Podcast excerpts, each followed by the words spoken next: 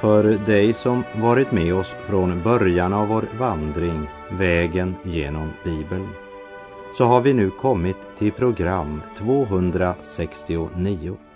Vi har vandrat genom Första Mosebok, Matteus, Andra Mosebok, Markus, Tredje Mosebok, Lukas, Fjärde Mosebok och Johannes evangelium. Och därmed har turen nu kommit till Femte Mosebok eftersom vi växlar mellan Gamla och Nya testamentet. Men då det finns fler böcker i Gamla testamentet än i Nya ska vi nu ta tre gammaltestamentliga böcker i följd, nämligen Femte Mosebok, Josua bok och Domarboken. Bibelns fem första böcker är skrivna av Mose och de kallas med det gemensamma namnet Pentateuken. Första Mosebok som i de flesta översättningar kallas för Genesis. Andra Mosebok bär namnet Exodus och tredje Mosebok kallas för Leviticus. Fjärde Mosebok Numeri och femte Mosebok som vi nu kommer till kallas Deuteronomium som betyder den andra lagen. De fem Moseböckerna är ett av världens fem grundläggande verk som i årtusenden stod som det enda vittnet om mänsklighetens första historia. Och som laggivning så är den enastående. Något som det inte finns motstycke till hos andra folk. Visst innehåller den här lagen medgivanden som Gud gav på grund av det mänskliga hjärtats hårdhet. Men trots detta så är den suverän i förhållande till Israels grannfolk. Och Moseböckerna är en gudomligt inspirerad profetskrift. Här finns den tillbakablickande profetian till alltings begynnelse, då Gud skapade himmelen och jorden. Och här finns profetior som blickar framåt mot den dom som ska komma över Israel på grund av folkets synd. Här förutsägs att Israel ska återvända till sitt land från alla de folk de har blivit kringspridda ibland. De fem Moseböckerna är alltså skrivna av Mose och innehåller den mosaiska lagen. Och hela femboken är mosaisk och inte en tillfälligt sammansatt mosaik. Mose som skrev de fem Moseböckerna är en man som känner Gud. Salmisten vittnar i den 103 saltarsalmen och säger han lät Mose se sina vägar, Israels barn sina gärningar. Israels barn såg Guds gärningar, men de kände honom inte. Gud lät Mose se sina vägar, det vill säga Mose kände Herrens vägar. Vi kan säga att femte Mosebok är resultatet av denna djupa kännedom och kunskap plus erfarenheterna av 40 år som fåraherde i Midjan plus 40 års vandring i öknen. Avsnittet som handlar om Mose död, femte Mosebok 34, verserna 5 till 12, är sannolikt skrivet av Josua och hör till Josua bok. När Josua bok blev skriven så placerades den på Moseböckernas skriftrulle. Författarskapet till femte Mosebok har blivit ifrågasatt av bibelkritiker och en del teologer. Ett av argumenten var att Mose inte kunde ha skrivit det eftersom skrivkonsten inte existerade på Mosetid. Men den teorin har ju rasat samman som ett sandslott eftersom man nu vet att skrivkonsten existerade långt före Mose.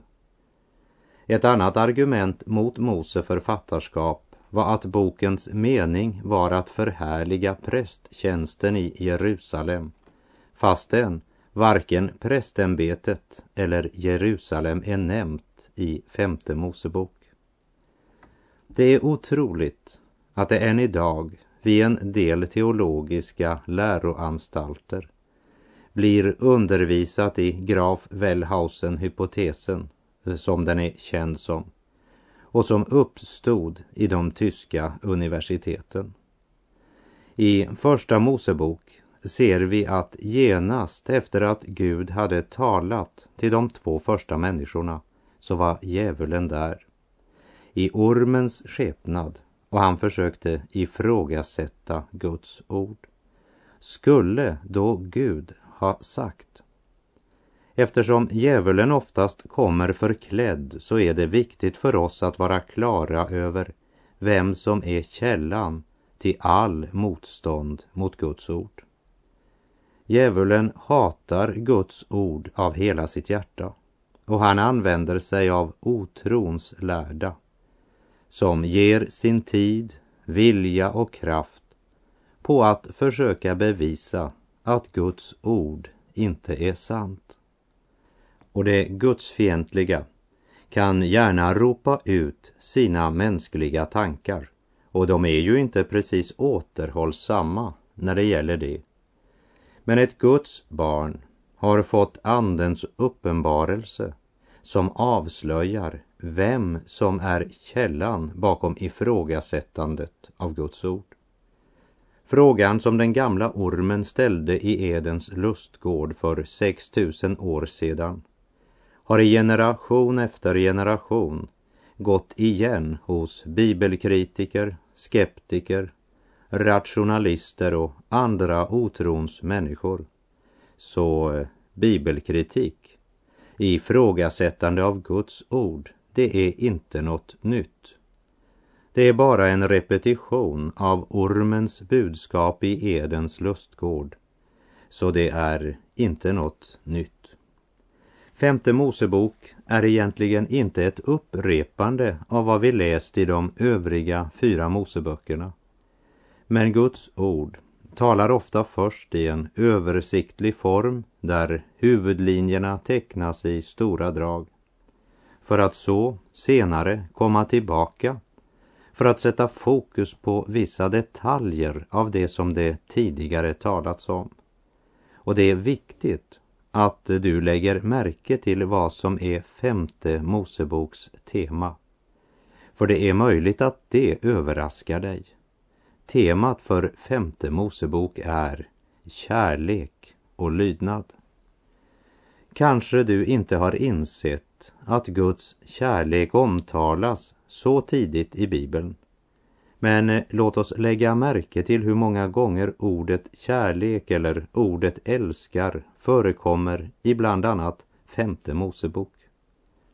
Så Jesus försökte inte införa något nytt när han sa Om ni älskar mig kommer ni att hålla mina bud, som det står i Johannes 14.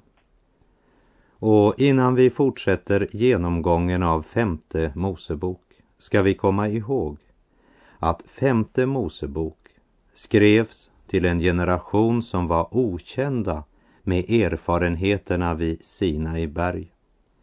Den nya generationen hade anlänt till Jordanflodens östbank och det skulle dröja cirka en månad innan de skulle gå in i löfteslandet. De gamla som en gång utvandrat från Egypten var döda. De kom aldrig längre än att deras ben blev begravda i ökensanden på grund av deras otro. För det första, de hade brutit Guds heliga bud. Det var synder de begått. Det vill säga, det var handlingar mot Guds vilja. För det andra, de hade inte trott Guds ord. Det var underlåtenhetssynder. Det vill säga, det var sådant som de inte hade gjort, men borde ha gjort. Så vi ser här att otro är synd. Och i femte Mosebok ger Gud genom Mose en ny instruktion till folket innan Mose dör och överlämnar ledarskapet till Josua.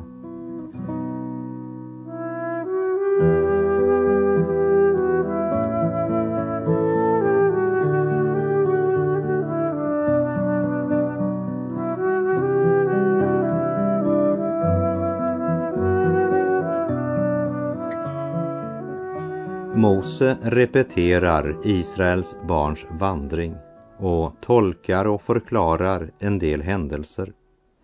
Alla i den generationen, utom Kaleb och Josua, är nu döda.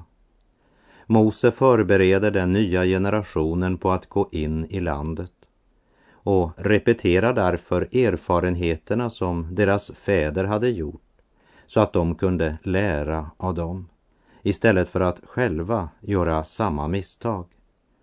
Vi läser i femte Mosebok kapitel 1, de två första verserna.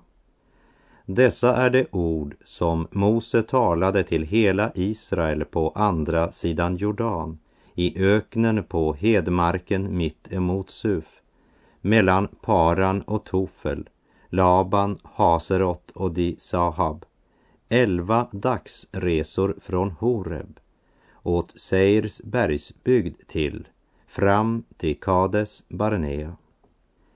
Elva dagsresor från Horeb. Berget Sinai ligger i Horeb. Det var elva dagsresor från Horeb till Kades Barnea som var platsen där de skulle gå in i löfteslandet.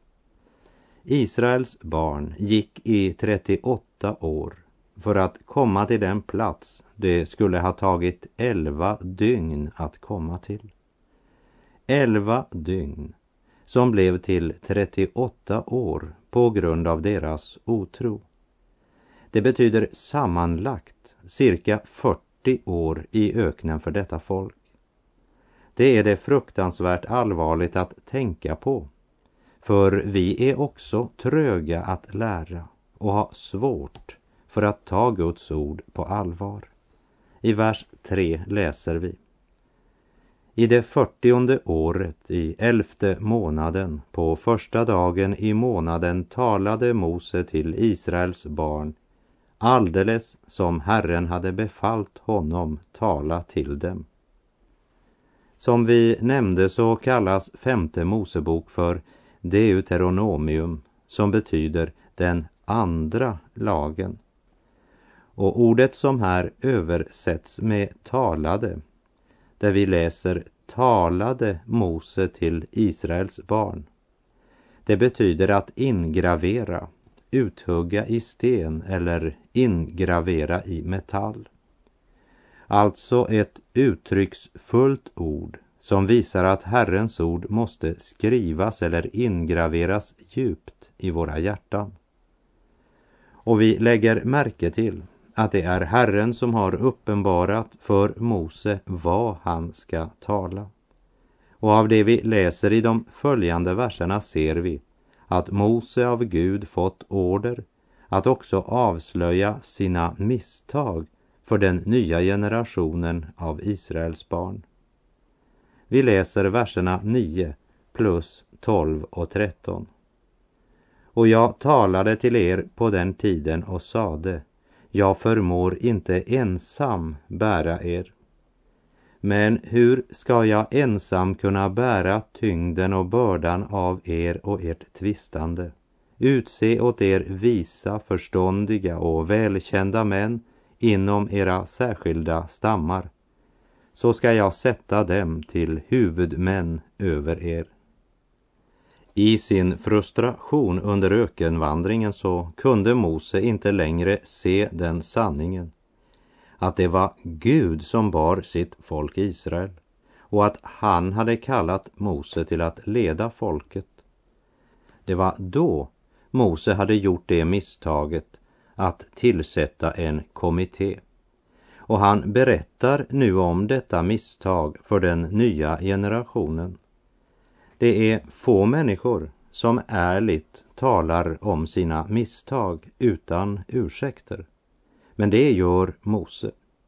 Och han säger att det här hördes så riktigt ut. Det lät så bra mänskligt sett. Men i verkligheten förorsakade det många och stora svårigheter. Mose hade frågat förnuftet istället för Gud.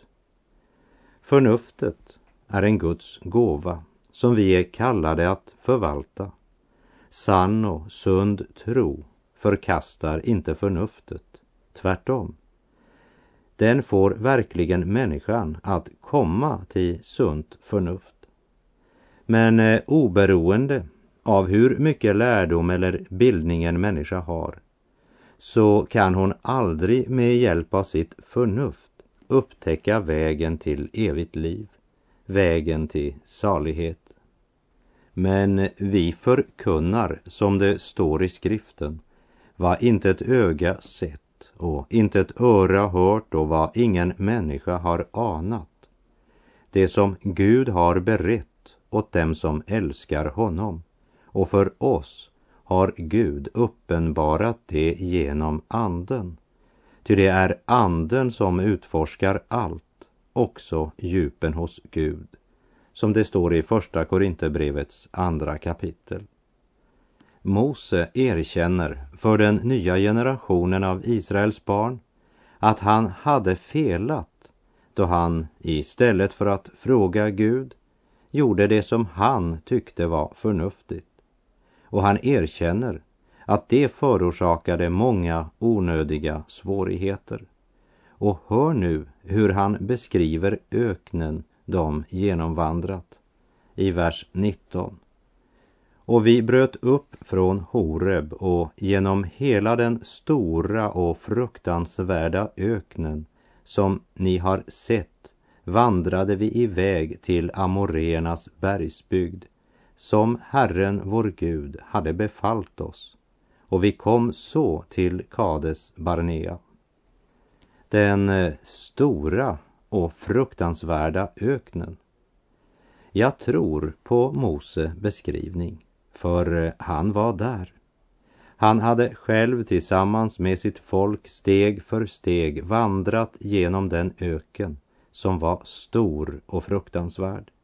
Så ökenvandringen var ingen behaglig utflykt. Andra misstaget Mose berättar om var beslutet de tog vid Kades Barnea. Och det var folket som gjorde detta misstag. Och än en gång var problemet en kommitté. Vi läser verserna 20 till och med 23. Och jag sade till er, ni har nu kommit till Amoreernas bergsbygd som Herren vår Gud vill ge oss. Se, Herren din Gud har gett landet i ditt våld. Dra dit upp och inta det som Herren, dina fäders Gud, har tillsagt dig. Frukta inte och var inte förfärad. Då trädde ni fram till mig allesammans och sade Låt oss sända iväg några män framför oss för att de må utforska landet åt oss och sedan avge sin berättelse inför oss angående vägen på vilken vi ska dra dit upp och angående de städer vi ska komma till. Detta förslag behagade mig och jag tog tolv män bland er, en för varje stam. Att vara förnuftig, det är bra. Att ha förnuftet till sin Gud, det är däremot ödesdigert. Folket menar att man borde utvälja en kommitté som går för att utforska landet. Men Gud hade ju redan utforskat det och Guds rapport göd landet flyter av mjölk och honung. Visst fanns det jättar i landet men de hade Gud lovat ta hand om. Folket skulle i tro till Guds ord och löfte gå in i landet. Men istället ville folket utvälja en kommitté som kunde avge sin berättelse. Guds ord var inte nog för dem och Mose tyckte att det hördes förnuftigt ut. Därför gjorde Mose folket till viljes och istället för att låta Guds ord och löfte vara nog tillsätter han en kommitté. Och vi ser att det är människans otro som är problemet. Gud hade sagt att det var ett gott land.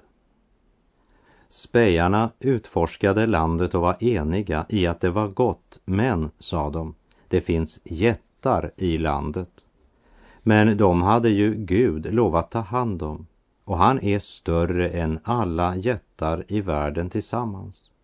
Gud hade sagt, dra upp och inta det land som jag har gett er.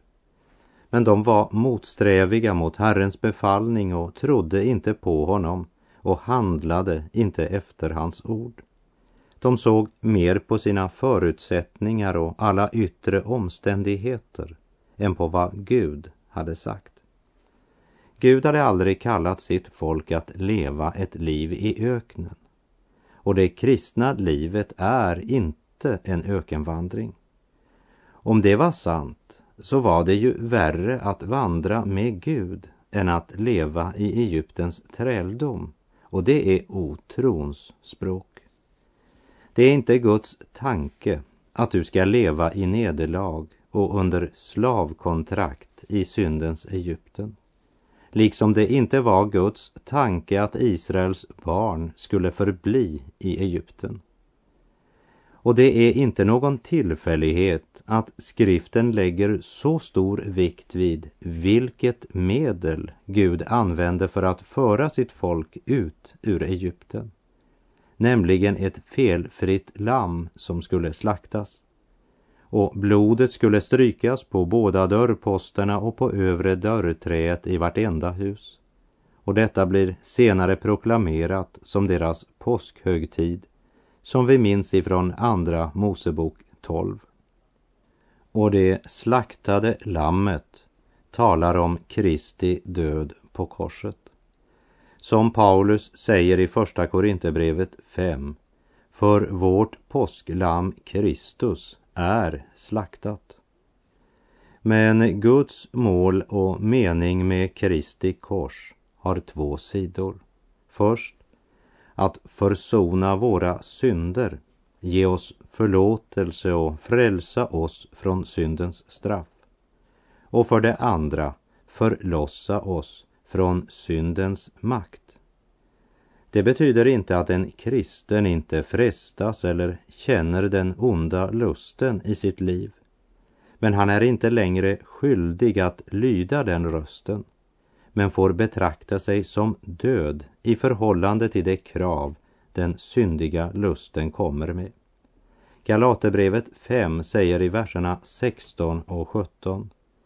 Nej, säger jag, låt er ledas av anden, så ni aldrig ger efter för köttets begär. Köttet är fiende till anden och anden till köttet. De två ligger i strid så att ni inte kan göra det ni vill. Och Titus brev säger i kapitel 2, verserna 11 till 15. Ty Guds nåd har blivit synlig som en räddning för alla människor. Den lär oss att säga nej till ett gudlöst liv och denna världens begär och att leva anständigt, rättrådigt och fromt i den tid som nu är medan vi väntar på att vårt saliga hopp ska infrias och vår store Gud och frälsare, Kristus Jesus, träda fram i sin härlighet. Han har offrat sig själv för oss, för att friköpa oss från alla synder och göra oss rena, så att vi blir hans eget folk, uppfyllt av iver att göra vad som är gott. Så skall du tala, uppmuntra och tillrättavisa med allt eftertryck.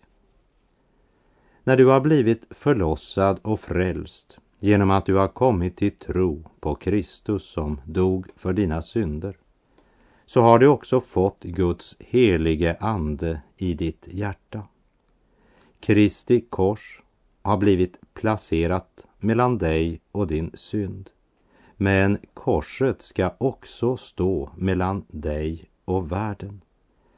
I Petrus andra brev kapitel 1 står det Ty allt som leder till liv och Guds fruktan har hans gudomliga makt skänkt oss genom kunskapen om honom som i sin härlighet och kraft har kallat oss. Han har gett oss sina stora och dyrbara löften för att ni, tack vare dem, ska bli delaktiga av gudomlig natur sedan ni kommit undan det fördärv som begäret drar med sig i denna värld. Att vara i Kristus kan sammanliknas med att leva i kanan, i löfteslandet. Landet som flyter av mjölk och honung. Det betyder inte en problemfri tillvaro. Men det betyder en vila, ro och överflödande frid. Gud förde Israels barn ut från Egypten för att föra dem in i kanan. Men liksom otron hindrade Israels barn att inta landet, så vill också idag otron hindra dig och mig att komma in i Guds vila och hans gudomliga löften. Genom att bli mera upptagna av våra yttre omständigheter och storleken på våra fiender grips vi av gräshoppskomplex. Precis som Israels barn när spejarna avgav denna rapport. Vi såg också jättarna där, Anaks barn av jättestammen. Vi tyckte då att vi själva var som gräshoppor och detsamma tyckte de om oss. Den kristne idag blir ofta konfronterad med jättar i sitt liv. Även du har säkert som ett Guds barn upplevt att du befinner dig i jättarnas land. Och det ska vara säkert. Det är svårt att veta hur man ska handskas med jättar när man själv är en gräshoppa. Men sanningen är att det är inte jättarnas storlek som är vårt problem, inte de yttre omständigheterna. Men vårt problem är de inre omständigheterna, vår otro. Och proportionen jättar och gräshoppor, det var långt ifrån verkligheten. Men otron skapar gräshoppskomplex. Och det är det tragiska i den kristna församlingen idag. Att antingen tycks man vara gripen av otron och gräshoppskomplexet eller också av en fruktansvärd övertro som reducerar Gud till vår tjänare. Man bara befaller. Det är helt klart, både utifrån skriften och praktisk erfarenhet, att övertro också existerar. Lika så säkert som det finns otro. Och båda är lika farliga. Låt oss be om ödmjukhet inför Guds ord och be om den helige Andes uppenbarelse, inte suggestion. Tänk, det gick 40 strävsamma ökenår innan Gud genom Josua hade lärt Israels barn att det var nödvändigt med precis samma slags tro för att gå in som för att gå ut. Och med det så får jag säga tack för den här gången. Herren vare med dig. Må hans välsignelse vila över dig. Gud är god.